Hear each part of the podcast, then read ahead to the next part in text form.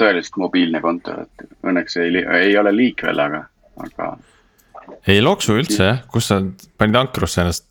ei, Kiinu sadamas, siin tuult eriti ei ole, vaata, eile oli täitsa, täitsa plekk nagu. Pole edasi saanudki. sa siis Kihnu Virve käest mikrofoni ei käinud laenamas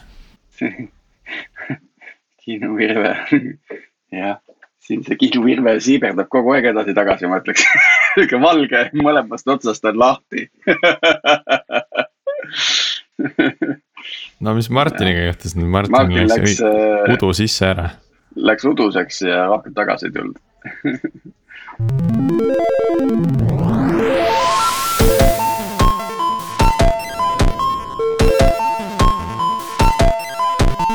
tere taas Algorütmi kuulama, täna on äh, esimene juuli, käes on meie kaheksakümne kuuenda episoodi salvestus. Äh, mina olen Priit Liivak Nortalist ja minuga on koos stuudios Tiit Paananen Veriffist ja Martin Kapp Pipedrive'ist. täna räägime teemast, mis äh, mulle endale on üsna südamelähedane, kuid millest oma elus olen siiski üsna kaugele jäänud. räägime nimelt mängude arendusest Tiit ja Martin, kuidas teil mängude arendamise või mängimise endaga on, et kas ainult äh, lauamängud või, või on nurgas ka mängurimasin vuhisemas? no eks ta ikka vuhiseb. Minu mängu see äh, kokkupuude on põhiliselt läbi kaheteistaastase, et ma tavaliselt ostan ja käivitan temal mänge ja siis tuunin ostan uusi graafikakaarte ja, ja panen mälu juurde ja vahetan kõvakettaid, et et, et sina saad ainult seda masinat mul... ehitada? jaa, et, et mul rohkem seda kokkupuudet ei ole, küll aga ma olen kunagi, oli selline traditsioon, et ma jõulude ajal mängin ühe mängu nagu läbi, aga, aga see, see jäi juba aasta, võib öelda kümnete taha. Aga mängukasti ehitamine on ju, on ju pool, pool lõbu juba ju selles mõttes, et see on omamoodi nagu selline mäng ehitada siis nagu kast, mis töötab normaalselt Tiit, ma vaatan, et sa oled äh, mõnevõrra teistsuguses keskkonnas ka, et äh, kus sa parasjagu asud ja. ja miks see paat, mis taustal paistab, ei, või purjekas pigem, miks see purjekas ei loksu? purjekas on turvaliselt Kihnu sadamas äh, siin nii-öelda või, või jah, ütleme siis ankrus kai küljes, et äh, aga, aga kõvasti siiberdab siin Kihnu virve edasi-tagasi kogu aeg, paneb otsad lahti, valge üleni suristab siin, rahvast tuleb peale välja. et äh, see on, äh, siin inimesed valmistuvad jaani, jaaniks ja meie nende hulgas. äge, ka mina olen jõudnud täna kontorisse, nagu taustast võib siin järeldada, et väga teistmoodi episood.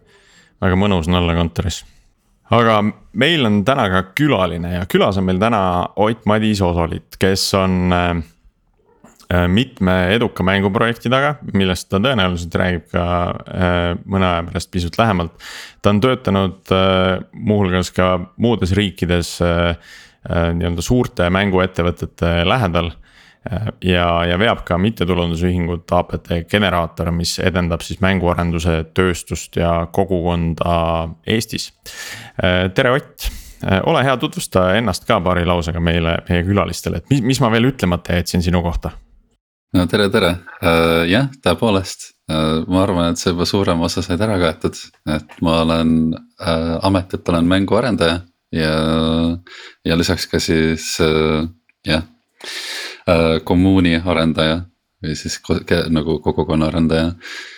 ja ma ei tea, mis muud, äh, mulle meeldivad erinevad mängud ja mulle meeldib nagu jah, inimestega töötamine ja, ja inimeste õpetamine kõik selline värk aga võib-olla alustaks, äh, nimeta paar, paar Eesti mängu ka, milles, milles äh, sa kaasa oled löönud, mis need, mis need projektid on? Äh, ma olen kaasa löönud kolmes, esimene kõige suurem siis on tõenäoliselt Disco Elysium Zoom stuudio poolt.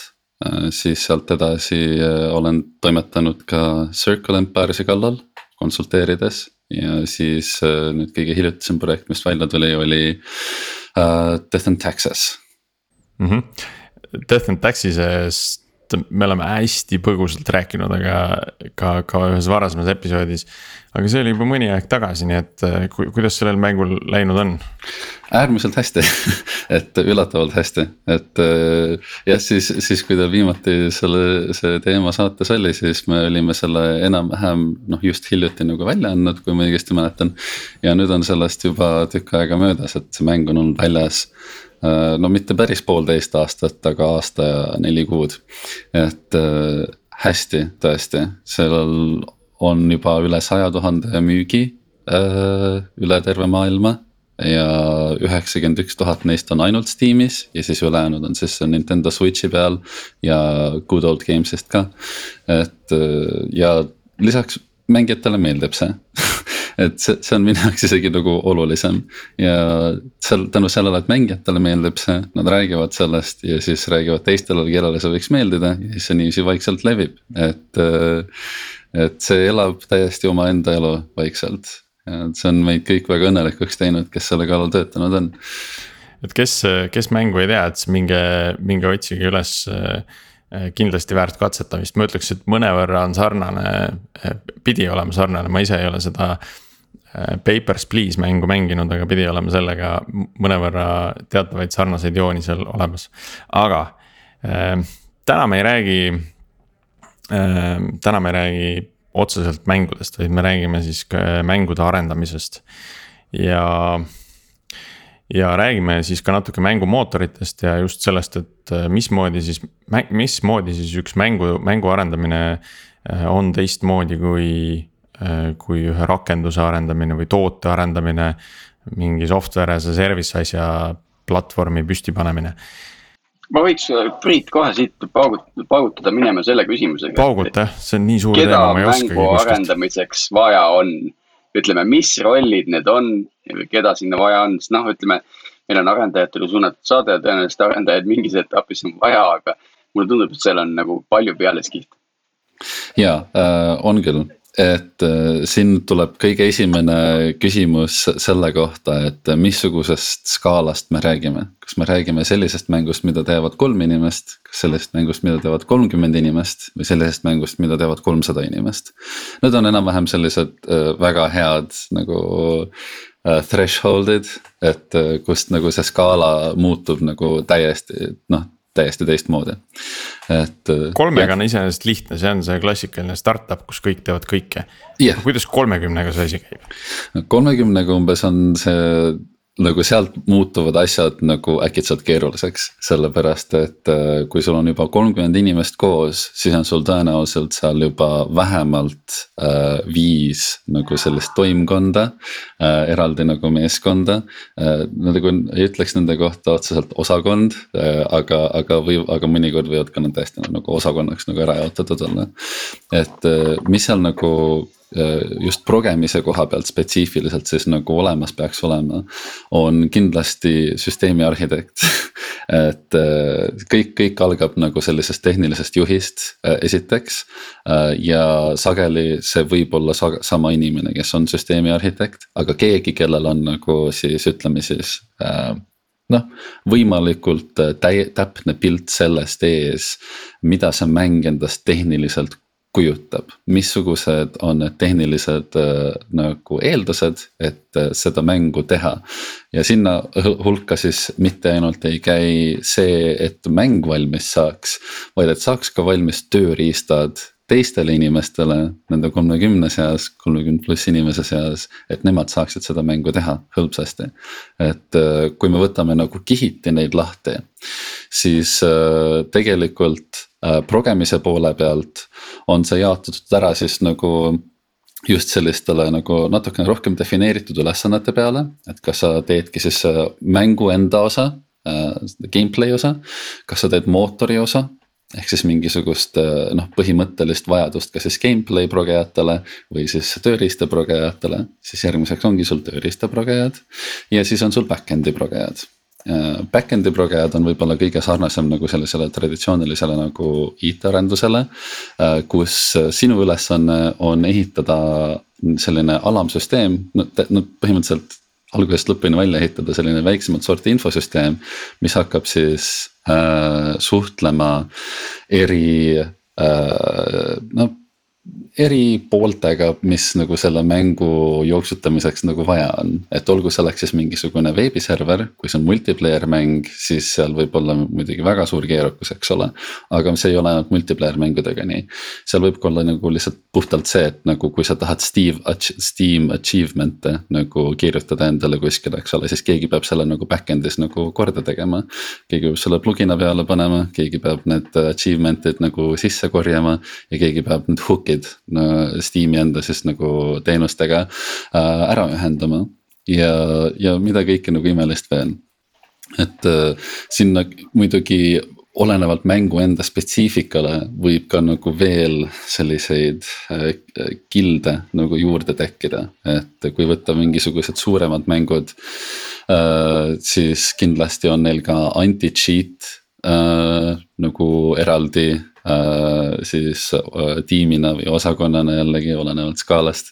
et äh, seal võib olla spetsiifilist visu nagu visuaalide programmeerimist, mis on siis niiviisi, et su põhimõtteliselt ainus töö on see, et sa loed päevade läbi teaduslikke artikleid, kuidas valgus töötab ja siis sa üritad seda panna koodi ja, ja lõpuks ka mootorisse, et sellised eksperimentaal nagu rügemendid võivad olla.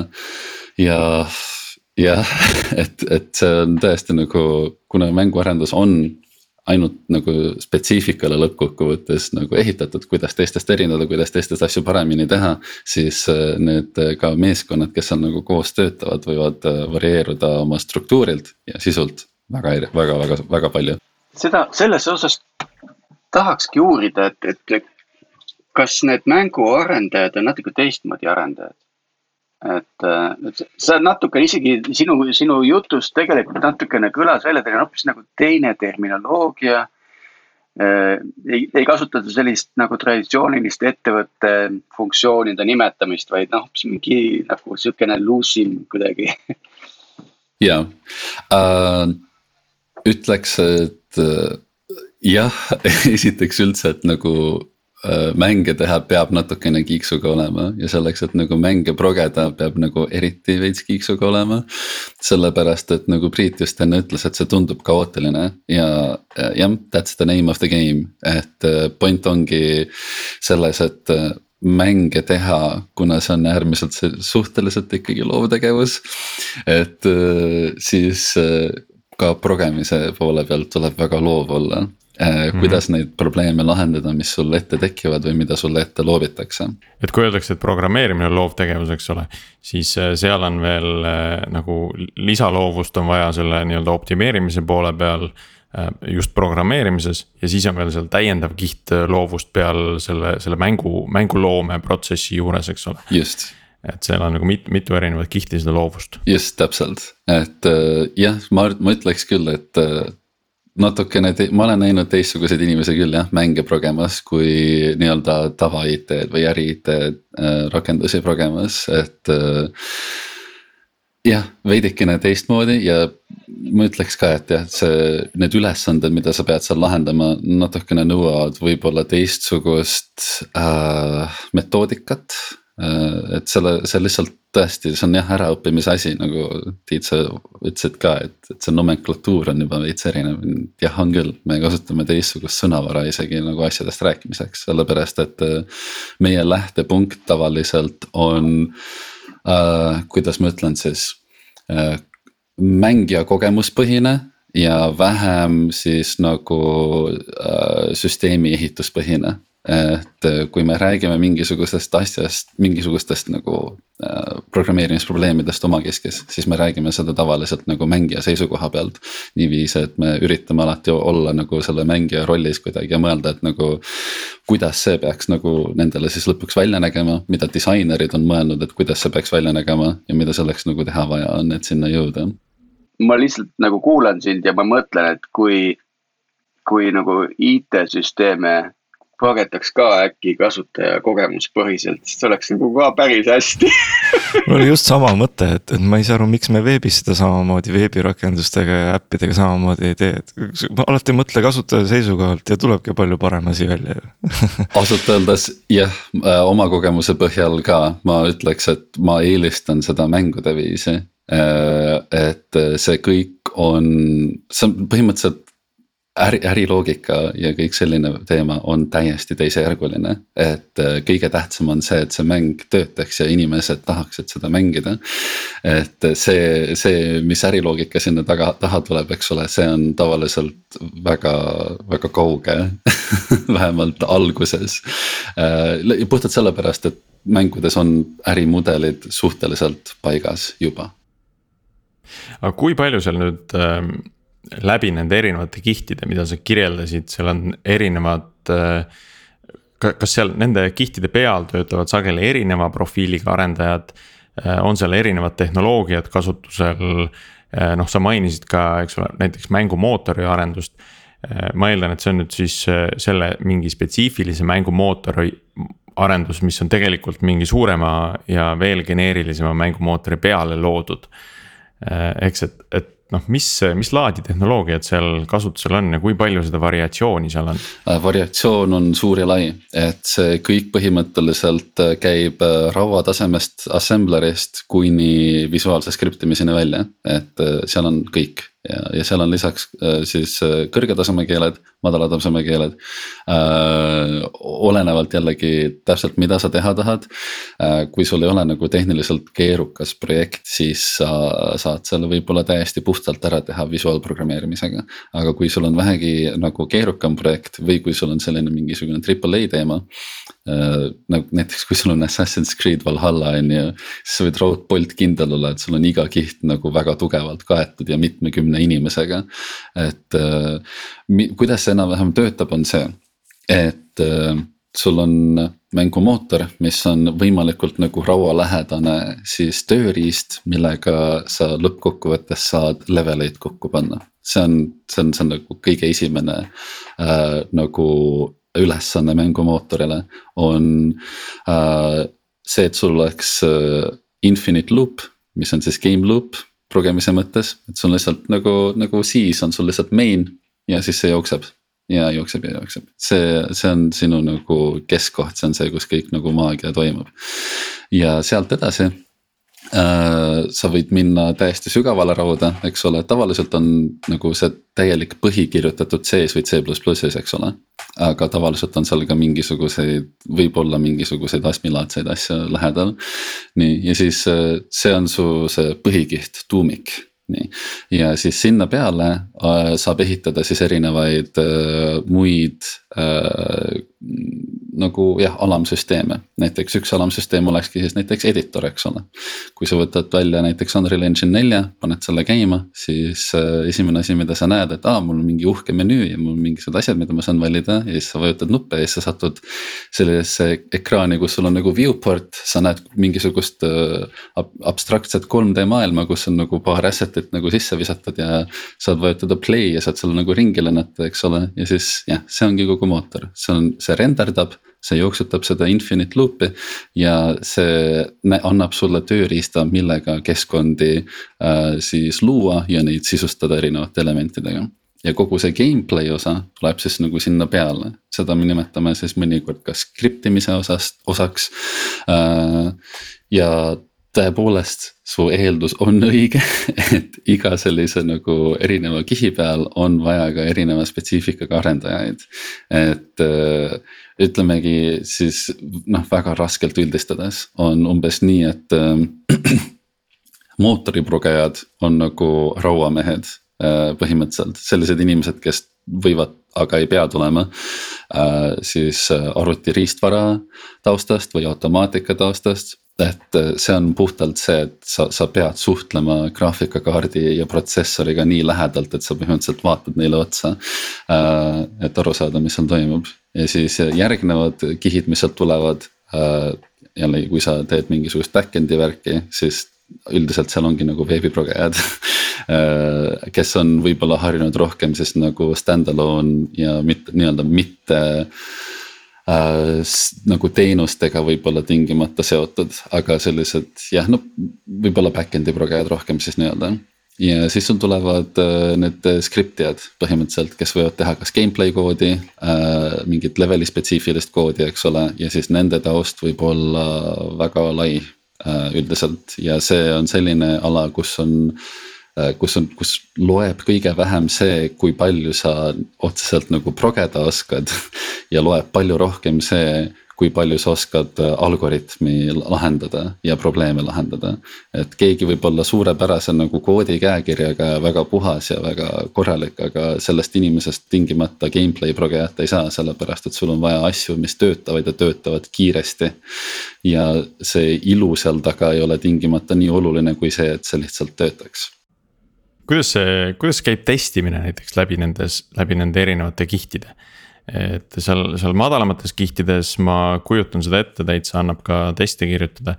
aga kui me võtamegi need, need ülemised kihid, mis võib-olla noh, võtame see Unreal'is äh, mingi skriptide kiht on ju, mis mingile olemile pannakse külge mingi hunnik skripte et kuidas see, kuidas seda testitakse, et kas see on ainult nagu manuaalne visuaalne testimine või annab seal ka midagi automatiseerida?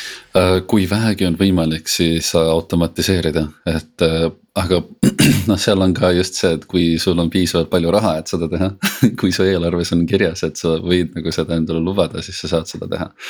Äh, see on hakanud rohkem kanda kinnitama ka, et suurem osa selliseid äh, noh, first party mootoreid, mida siis stuudiod ise kasutavad, ehk siis näiteks Electronic Artsil on oma Frostbite engine, siis Ubisoftil on oma Anvil või Scimitar juba nüüdseks, ma ei mäleta enam. ühesõnaga nende see Assassin's Creed'i mootor, mida nad kasutavad põhimõtteliselt kõikide oma nende ägedate Triple A mängude jaoks. Äh, ja no jah, ja siis näiteks Epicu puhul Unreal Engine, eks ole, kuigi nad saavad seda ka välja litsenseerida, et seal äh, see mootor olenevalt sellest, et nagu kes selle valmis on ja mis nagu otstarbeks see tehtud on, see esiteks selle nagu kasutusala võib olla väga kitsas, et nagu äh,. mul tuleb nagu väga hea näide meelde, kui äh, BioWare tahtis teha äh, sellist mängu nagu Dragon Age, tahtis sellele järge teha ja sellest sai Dragon Age Inquisition ja seda tehti Frostbite mootori peal nii, äh, mis seal põhimõtteliselt juhtus, oli see, et kõik avastasid, et kuulge, see on FPS mängude mootor, vabandust, ma pean köhima korra.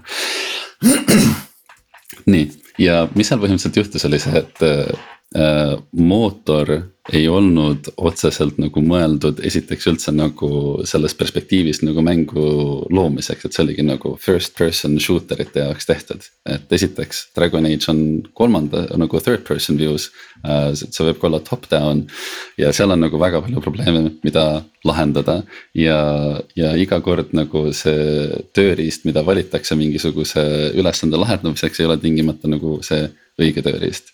ja nüüd ma tunnen, et ma panin sellest küsimusest juba veits mööda, nii et küsi uuesti ja siis ma tulen selle juurde tagasi ei, sa, sa, sa lähed täpselt õiges suunas, et, et kuidas see testimise, testimise pool ja. käib, see oli see teema. õige, testimise seisukohalt, et mida nagu sellised mootorid nagu testimise seisukohalt annavad, annavadki ja õige, kuhu ma tahtsin sellega lõpuks jõuda, on see, et äh, et sul võib olla see mootor ise nagu väga heas korras ja see võib olla väga hea mootor, aga kui sa kasutad seda kuidagi teistmoodi, kui sa nagu äh, kasut-, kasutatud peaks olema, siis nendest automaattestidest ei ole sul ka lõppkokkuvõttes kasu et point on lihtsalt mm -hmm. selles, et su, et kõik oleneb jällegi sellest, mida sa saavutada tahad. et kui sa, kui su testimise eesmärk on äh,, mm, kuidas ma ütlen äh,. kui, kui testid näitavad sulle, et jah, süsteem jääb tööle see on suurepärane, aga see ei tingimata ei tähenda, et su mäng jääb tööle. Äh, et äh, suurtes mängudes jah, kui sul on see nagu eelarve selle jaoks, siis tavaliselt sul on automaattestid ja peaaegu iga mängu aspekti peale. ja muidugi kõige kõvem testimine, see, see ei ole otseselt saladus. Äh, võib-olla ma lasen teil ära arvata, et kui on nagu selline suur triple A mäng kõikide kellade ja villadega, mis te arvate nagu, missugust osa sellest testitakse kõige rohkem ja kõige nagu, mis tehakse kõige kuulikindlamaks?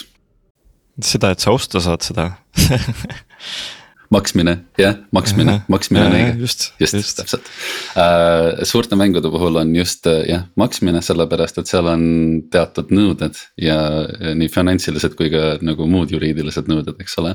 et see tavaliselt tehaksegi kuulikindlamaks uh,, jah, et uh, tulles tagasi siis manuaalse testimise juurde, siis see on tegelikult see, kus äh, mäng oma selle kvaliteedi saab ja kus mäng päriselt äh,, äh, kuidas öelda äh,.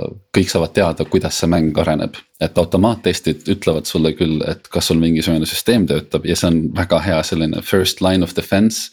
aga lõppkokkuvõttes jällegi kogemuspõhine, et äh, arendas, et kui sul istub keegi inimene arvuti taha. ja sa ütled talle, et tee mulle nüüd smoke test äh,, smoke test tähendab siis seda, et sa mängid nagu seda mängu ja vaatad, kas suitsu hakkab välja tulema.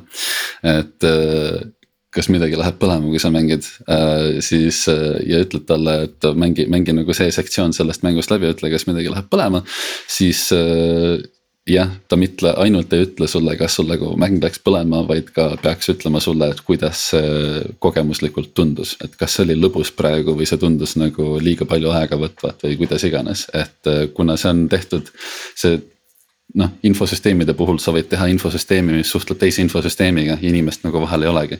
või ei ole lõpustada või see on kellegi teise nagu hallata, see inimene seal lõpus, lõppkasutaja, eks ole. mängude puhul on alati see, et sul on keegi, kes peab vaatama seda kiivalt siis äh, nagu lõppkasutaja pilgu läbi. ja selle järgi siis äh, tagasisidet andma, et see, kui mäng on katki, tingimata ei tähenda seda, et sul mingisugune süsteem ütleb üles, näiteks füüsikamootor nagu lihtsalt lappab. noh, näiteks Elder Scrollsi 3D mängudes, eks ole. see on väga populaarne teema, et nende füüsikamootor on lihtsalt noh, on nagu ta on, eks ole, see lihtsalt läheb katki ja kõik on sellega leppinud. aga see kogemus, mida mängijad sellest saavad, et see füüsikamootor on jumala lõhki, see on see, mis töötab. ja, ja see on see, et nad on pannud selle nagu enda kasuks tööle lõppkokkuvõttes. väga huvitav, minu mõte liikus nüüd siit testimise pealt telemeetria peale et kui palju sellises mänguarenduses pannakse sisse ka, ka sellist telemeetria poolt, et ma kujutan ette, et et äh, kogu selle leveli disaini juures tehakse ikkagi mingid eeldused, et, et kui meil on, kui meil on see level. Äh, kui kaua kasutaja peaks siit läbi minema, äh, noh, mis raskusastme peal, kui palju see keerukust tõstab kas, kas ka seda mõõdetakse ja kui palju seda, seda sisse pannakse, et noh, mulle tundub, et see on ka selline hea alternatiiv võib-olla äh, ütleme täiendus siis pigem äh, testimisele, et. Äh, et sa saad küll enda testgrupi käest mingisuguse input'i, mingisuguse sisendi.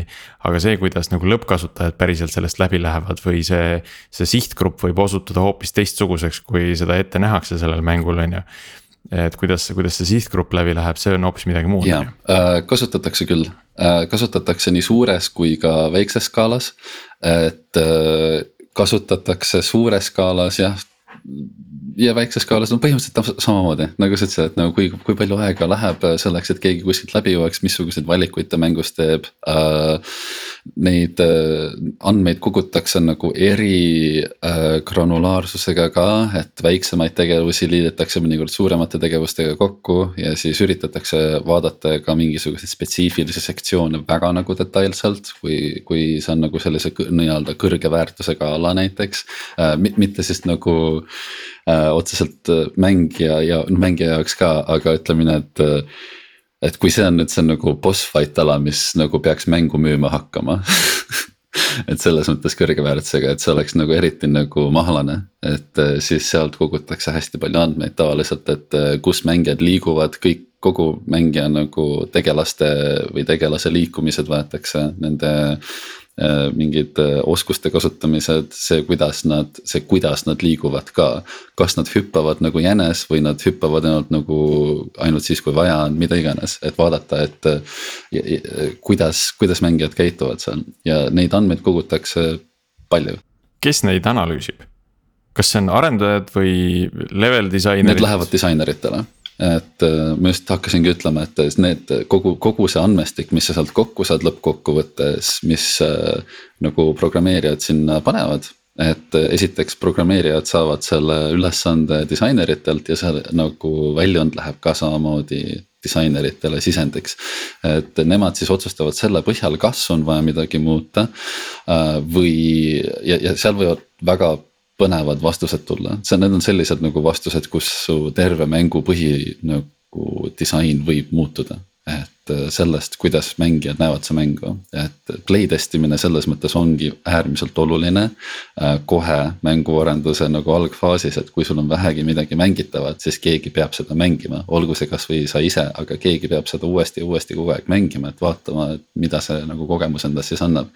kui seda ei tehta, siis sellest võib tulla igav mäng aga ma tahaks sellega veel küsida vahepeal kiir-, kiirelt seda, et et, et see telemeetria, eks ole, see kõlab nagu pigem midagi sellist, et mida sa saad koguda siis, kui sul on mäng juba valmis ja väljas.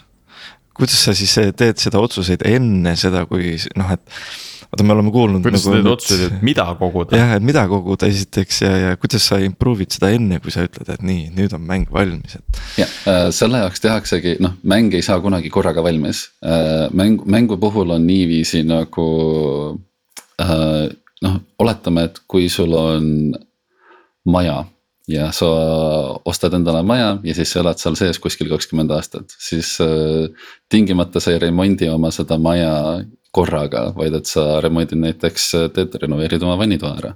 või siis renoveerid elutoa ära või siis äh, ehitad mingisuguse uue terrassi, eks ole. mängudega on enam-vähem samamoodi, et mingisugune, mingisugunegi asi ei, ei juhtu korraga, ainus asi, mis nagu juhtub korraga, on see, kui vundamenti laotakse, see laotakse kõigile korraga.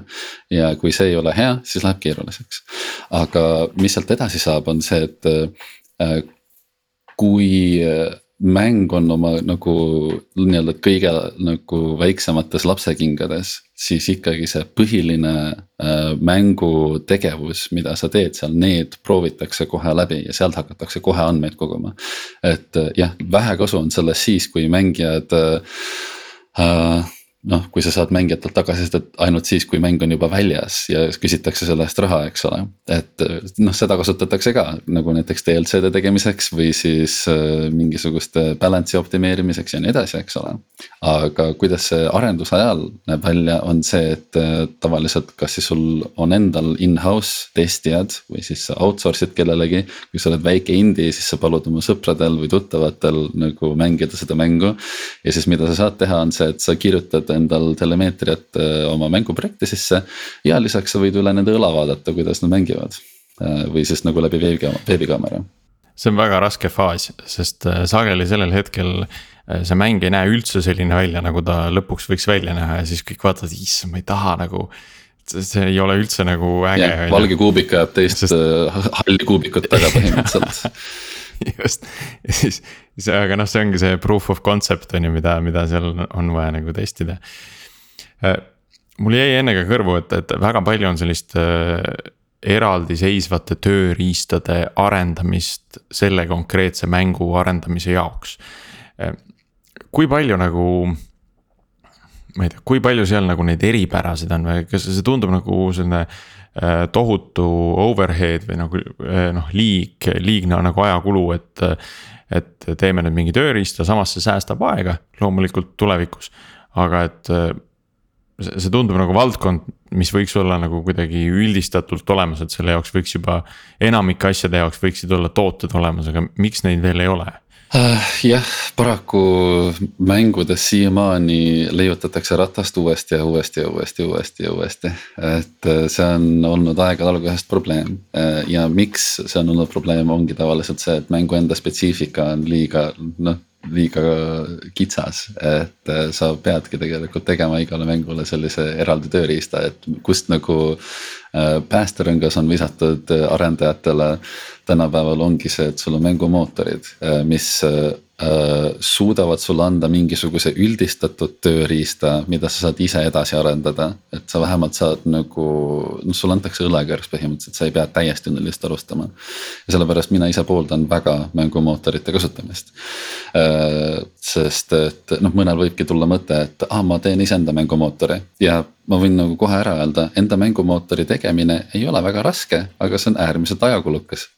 Muud ei olegi, et see on, see on sõna otseses mõttes, sa lihtsalt paned paar nagu teeki kokku ja sul on mängumootor. Et sul on renderdus, sul võib olla isegi mingi level editor, mida iganes. aga, aga point on lihtsalt selles, et see kõik võtab aega. Ja raha, et see probleem on sügav ja sellel ei ole sellist otsest lahendust, et mis nagu põhjustab seda, on tavaliselt see, et sul on esiteks tiimispetsiifika. sellepärast, et tiimiliikmed ise nagu ütlevad siis äh, alguses, mida neil vaja oleks, et see mäng sellisel kujul valmis teha. Ja siis see saadetakse ülesandena edasi. Ja kui nad tahavad midagi uut, siis tehakse uus tellimus selle jaoks, et äh, äh, võib ja tellimus võib ka olla see, et nagu anna mulle nagu selline editori tükk, mis nagu seal teises mängus on aga see tükk tuleb uuesti nagu valmis teha ikkagi tavaliselt. et äh, selliste first party in-house mootoritega nagu jällegi Frostbite näiteks, seal on selline asi tõenäoliselt natuke lihtsam, sellepärast et sul on täiesti eraldi nagu arendusmeeskond, kellele sa, sa saad nagu selle tellimuse visata. aga kui sa oled selline nagu kolmas osapool, kes litsenseerib mootorit, näiteks Unityt või Unreal'i või midagi sellist, on ju, siis sa ei saa ütle Epic sa ei saa öelda nagu Epic Games'ile, et kuule, palun, you know, tee mulle see tööriist, et äh, sa pead. tehke natuke ringi. jah, sa, sa pead, noh, sa võid seda öelda ja nad võivad nagu seda ka mõelda, aga selleni läheb väga kaua aega, kuni nad selleni jõuavad.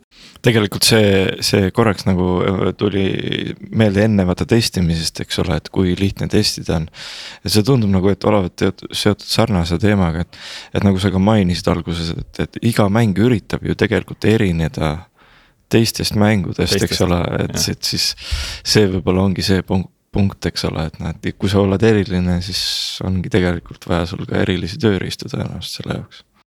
jah, äh, see on ka üks osa sellest, et eh, noh, tiimispetsiifika on üks asi ja lisaks ka nagu tootespetsiifika on teine, et eh, point ongi selles, et eh, nagu FPS mootoriga RPG-d teha võib olla päris keeruline. ja, ja sa ei saa neid samu tööriistu tõenäoliselt kasutada, mida sa kasutaksid FPS-i tegemiseks, RPG tegemiseks. mina tahaks natuke rääkida protsessidest ka enne, enne kui meie tänane aeg hakkab otsa tiksuma ja, ja eelkõige sellest, et äh, minul on jäänud silma viimasel ajal mitu sellist äh, suurt triple A fail'i, et äh, Anthem oli asi, mida ma pikalt ootasin ja no see oli ikka täielik, täiesti nagu flop. CyberPunk oli nagu veidi väiksem flop, aga noh siiski minul sellega halbu kogemusi ei olnud, aga ta ei olnud päris see, mida inimesed ootasid Äh, ja, ja oli ka väga palju probleeme, eks ole, loomulikult tehnilisi probleeme seal, et miks need asjad juhtuvad, et. et mingid Anthemid tehti reaalselt seitse aastat vist, seal oli tohutul hulgal arendajaid peal. Äh, ja, ja lõpuks sealt lekkis igasugustest arendustiimidest mingeid murekohti, et. Et jube crunch oli ja kõik panid ületunde veel ja, ja välja tuli ikkagi nagu sihuke põlve otsas tehtud äh, asi, siinkohal ma laseks jälle pakkuda kellelegi, kas on julgeid pakkujaid, kes tahavad öelda selle, selle, see on üks, see on ainult üks asi, mis põhjustab selliseid olukordi. juhtimine. jah yeah., täpselt, halb juhtimine. Äh, see on ainus äh, põhjus, miks sellised asjad juhtuvad. Äh, ma räägin natukene taustaga, et kui mäng alustab oma elu ideena, mida pitch itakse nagu põhimõtteliselt inimestele, kellel on vahendeid siis äh, sellega üritatakse teenida kasumit üldiselt, eks ole. Äh, see on esimene asi, mida on vaja äh, meeles pidada. Äh, siis on põhimõtteliselt sul visioonijuht olemas, kes siis töötab erinevate muude juhtidega, produtsentidega, osakonnajuhtidega ja nii edasi ja nemad panevad plaani plaani paika siis põhimõtteliselt, kuidas see nagu, äh, mida see mäng endast kujutama peaks, kuidas see välja nägema peaks ja siis hakatakse tegema prototüüpe. ja mida nagu seal tehakse, on siis see, et selleks, et äh, saada vahendeid Äh, sa pead näitama, et sa oled suuteline seda visiooni ellu viima, siis selle jaoks tehakse tavaliselt mingisugune noh, väga ilus prototüüp. Äh, seda näidatakse, võib-olla seda isegi näidatakse üldsusele, tavaliselt mitte. ja siis, kui sul kas investorid või siis osanikud vaatavad, ahah mm, -hmm, see sobib, väga tore, viskavad rahapatakaid sinu poole, siis su tiim hakkab seda tegema. aga seal tuleb väga palju äh, keerukust sisse niipea, kui sa laed sinna järjest rohkem inimesi peale. et nagu ma enne mainisin, seal on need sellised threshold'id, eks ole, umbes nagu kolm, kolmkümmend ja kolmsada, eks ole. et äh, ausalt öeldes kolmsada pluss inimesega mängu teha, see on ime, et ükski neist välja tuleb sellepärast, et seal nagu lihtsalt nii paljud inimesed peavad olema asjaga kursis, asja juures. olema pädevad selles, mida nad äh, ise teevad, et äh, üldse nagu midagi valmis saada. nii, ja mis on see liim seal vahel äh, Need on juhid erinevat moodi juhid, olgu see siis nagu osakonnasisene juht, mingisugune middle management, mingisugune produtsent või, või kuidas iganes. kui juhid omavahel ei räägi ja see on probleem, olgu selleks ego või hirm või vastutus äh, nagu stakeholder'i ees, eks ole. siis äh, see inimeste nagu kommunikatsioonioskus nagu järsult võib halveneda seal. ja mis põhimõtteliselt juhtub, on see, et äh, nagu praktilises mõttes on see, et inimesed teevad kas tühja tööd, valesti tööd või täiesti prioritiseerimata tööd. et äh, selle, sellise nagu suure operatsiooni juhtimine laguneb tavaliselt sellepärast, et inimestel ei ole kas piisavalt kogemust või pädevust, et nii suurt operatsiooni üldse juht, juhtida. ja minu jaoks nagu noh, CyberPunk on veits parem ja mind nagu isiklikult äh, rohkem närvi ajav näide lihtsalt sellepärast, et äh, neil oli üks väga hea nagu mäng, mis oli juba varem välja tulnud. millega nad olid kõik needsamad vead läbi elanud mängu tegemisel, Witcher kolm, kui see tuli välja, see oli ka nagu leekides peldik, see ei töötanud nagu straight up see inim-, inimesed tõenäoliselt mäletavad seda Witcherit, mis on patch itud ja DLC-dega. Äh, kui nad või siis mäletavad seda, et äkki see töötas nagu ideaalselt nendel mingisugusel kosmosearvutil, mis nad kuskilt nagu kalli raha eest ostsid too aeg, eks ole. just selle mängu jaoks, nii äh, ja mis mind nagu frustreerib hästi palju on see, et CD Projekt Redil olid kõik need teadmised ja kogemused olemas äh,. nagu teoreetiliselt, ma kohe räägin, miks neil praktiliselt seda ei olnud ka, teoreetiliselt siis, et nad olid juba sellise suure mängu launch'i tsükli läbi teinud. Nad teadsid nagu, missuguseid probleeme oodata. aga kui sa oled selline stuudio nagu CDPR siis sa põletad inimesi läbi, inimesed tulevad su juurde ainult tööle selleks, et saada credit endale kirja ja kui sa oled nad täiesti eluisust tühjaks imenud, siis nad lähevad ära, nad lähevad kuskile mujale, nad teevad oma firma, nad kolivad muude tööstusesse, nad teevad äh, mida iganes muud, aga nad ei tööta sinu heaks ja see kõik tuleb halvast juhtimisest, eks ole, et, et kui kui sa ütled. kaua nad niimoodi ei toimeta. jah, täpselt, et see, see ongi see, et nagu sa saad komberdada sellest finišijoonest nagu üle kuidagi, aga see ei tähenda, et sul esiteks tuleks nagu hea mäng. ja kindlasti see ei tähenda, et sa oma selle kogemuse pagasi, mis sa oled kogunud, et sa, et sa seda oma firma siseselt säilitaks. ja kui sul on mäda asi juba tipust saati no näiteks see üks intervjuu, mis andis Äh, CDPR-i CEO, et aa ah, jaa, et meie QA ei, ei teadnud tegelikult võib-olla, et mäng on üldse nii katki, et me, me keegi ei teadnud, et mäng oli nii katki, et nagu sellise asja peale. mida see QA tegi siis? selline nagu sellist asja kuuldes nagu mõtlen, et nagu, aga mida sa tegid siis, kus sa olid, sa nagu sa, sa võisid iga hetk minna nagu inimese nagu arendaja arvuti taha ja vaadata nagu, mis seal toimub ja sa näed, et see on nagu täiesti puruks, et see on nagu ilmselge vale, eks ole. ja kui sul on asi on mäda nagu nii tipust saati, siis kõik need alumised kihid, kõik muud juhid, nende jaoks on pretsedent antud. ja nad hakkavad ka üksteise eest nagu asju varjama, hakkavad valetama ja nii edasi, see on, see on väga. ilustama. jah, see on, see on kõik väga nagu metoodiline, väga psühholoogiline viis, sellel ei ole nagu üld, otseselt nagu tehniliste äh, põhjustega ega mingisuguste selliste asjadega mitte mingisugust pistmist, see on puhas nagu homo sapiens nagu kõik, kõik nagu sellise, selline asi ja see tuleb kõik halvast juhtimisest.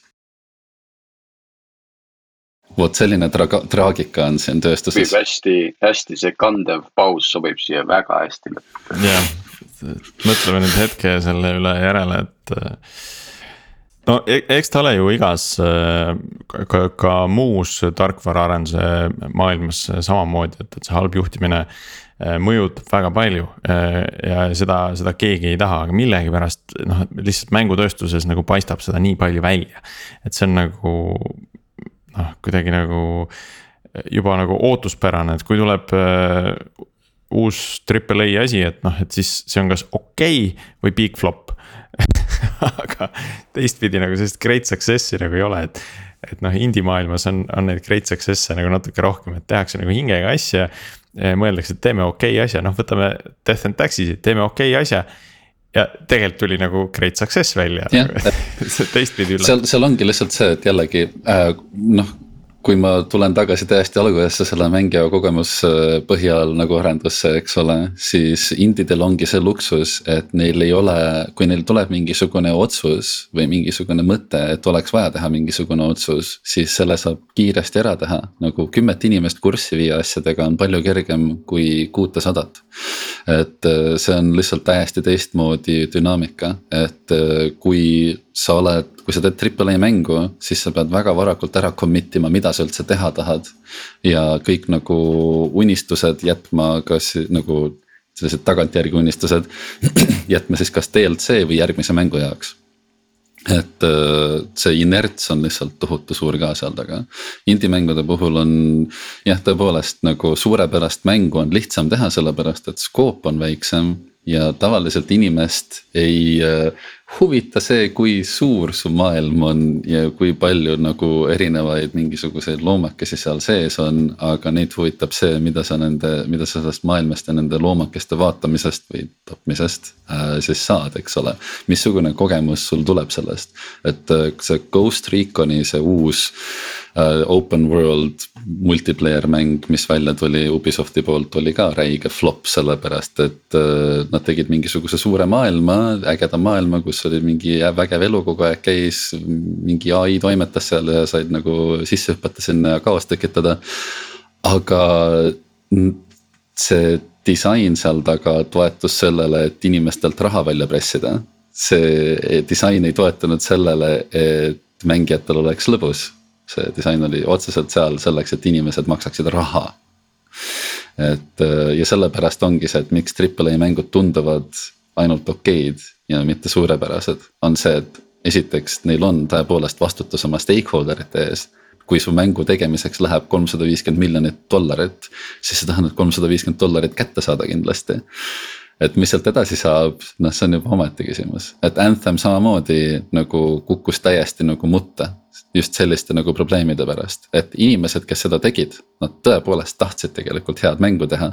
aga see üleüldine visioon ei olnud see, et me teeme hea mängu, vaid et me teeme hea teenuse, mida müüa mis sa arvad, kui palju seal on sellist ka lääne, lääne kultuuri või ütleme, vana kultuuri äh, ettevõtte struktuuride muret taga, et asjad on hästi hierarhilised ja.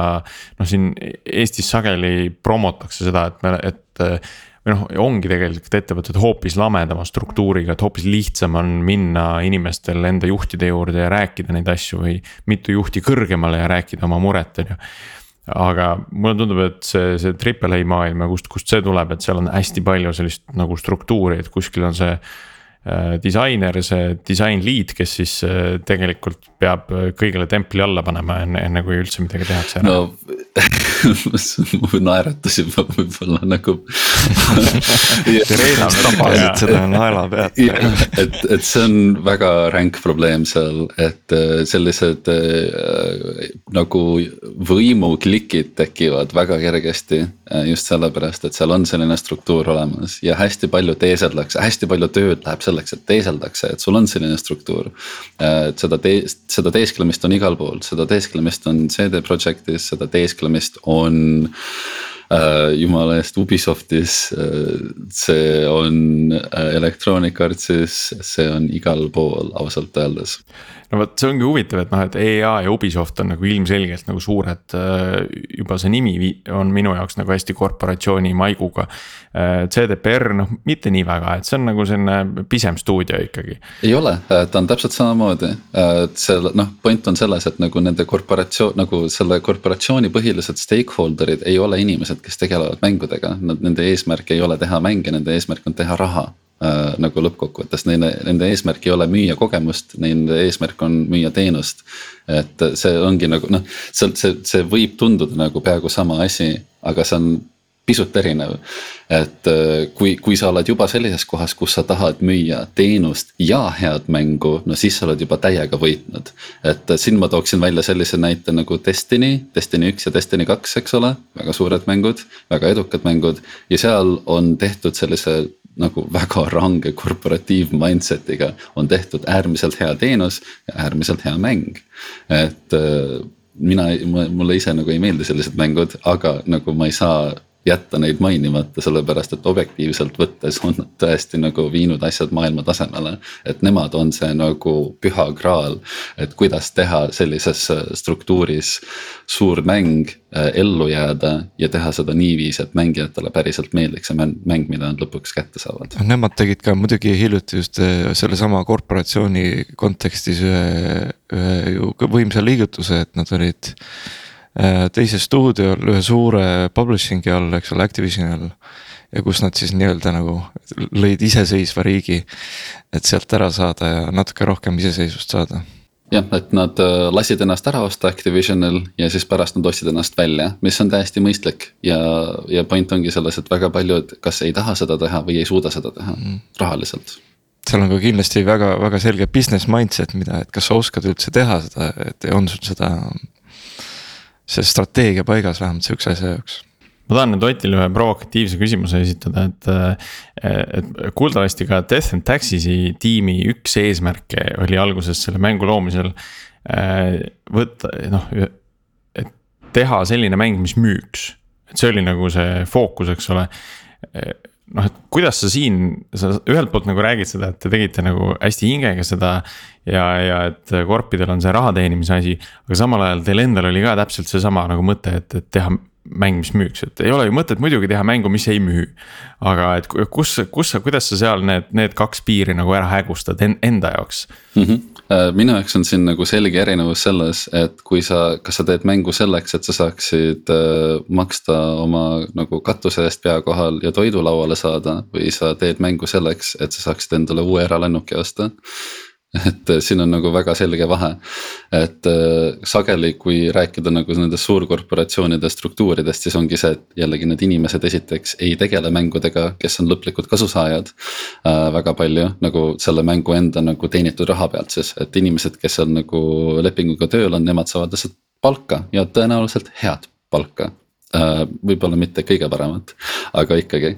ja minu jaoks nagu see piir läheb selle pealt, et kui käib mingisugune raha teenimine, äh, siis see peab olema omandipõhine selles mõttes, et kui keegi teeb midagi mängu jaoks, siis tema tegelikult omab seda. ja tema omab ka siis nii otseselt kui ka kaudselt seda tulu, mida see mäng teeninud on. et meil Death and Taxes'iga eriti, meil oli selline hea võimalus, kuna meil kõikidel olid nagu natukene sääste, aga samas veits näpud põhjas.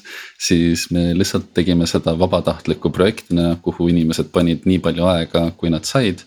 ja leppisime omavahel kokku, et me jaotame esimese neljateistkümne kuu tulu üksteise vahel proportsionaalselt siis ära põhimõtteliselt, et keegi, kui palju nad aega said sisse panna ja ausalt öeldes ma ei taha enam muud moodi mänge teha, see ongi nüüd see, kuidas ma tahaksin mänge teha. sellepärast, et äh, seal ei olnud mitte mingisugust küsimust selle kohta, kas kellelgi oleks motivatsiooni või mitte, seal on mingit küsimust selle kohta, et kas keegi saaks teha või peab tegema midagi, mida ta ei taha teha äh, või mitte. inimesed said äh, lihtsalt võtta osa selle, sellest projektist, selle loomisest ja noh põhimõtteliselt ennast ära toita, et meie esimene eesmärk ei olnud müüa nagu nii palju, kui me praegu müünud oleme, see ongi nagu üllatus, eks ole. meie esimene eesmärk oli see, et inimesed saaksid väärilise tasu selle aja eest, mis nad on sisse pannud. Ja kõik muu on boonus, et nad ei, et nad ei langeks nagu täiesti võlgadesse või et äh,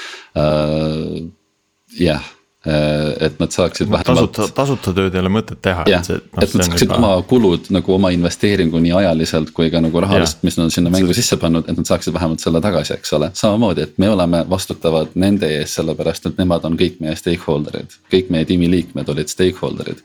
ja, ja nagu meie nagu seda projekti juhtides äh, siis pidime iga seda nagu asja arvesse võtma ka ja me võtsimegi nagu kõiki arvesse, kui me tahtsime mingisuguseid otsuseid teha ja, ja rääkisime nagu põhimõtteliselt kõik läbi, mida vaja oli.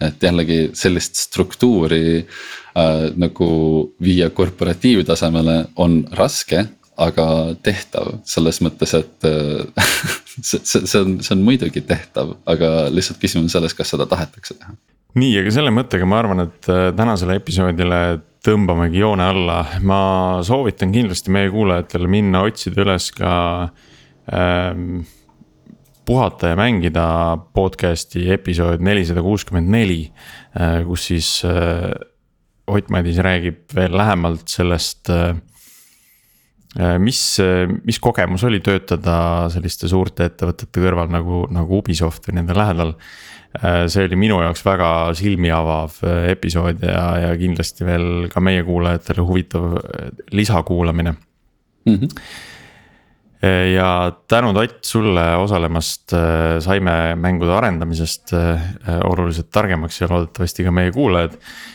endiselt on teretulnud tagasiside Facebookis ja ka külaliste ja teemade soovitused aitäh kuulajatele, aitäh Tiit ja Martin ja Otile. aitäh. Kuulmiseni. kõike head, suur tänu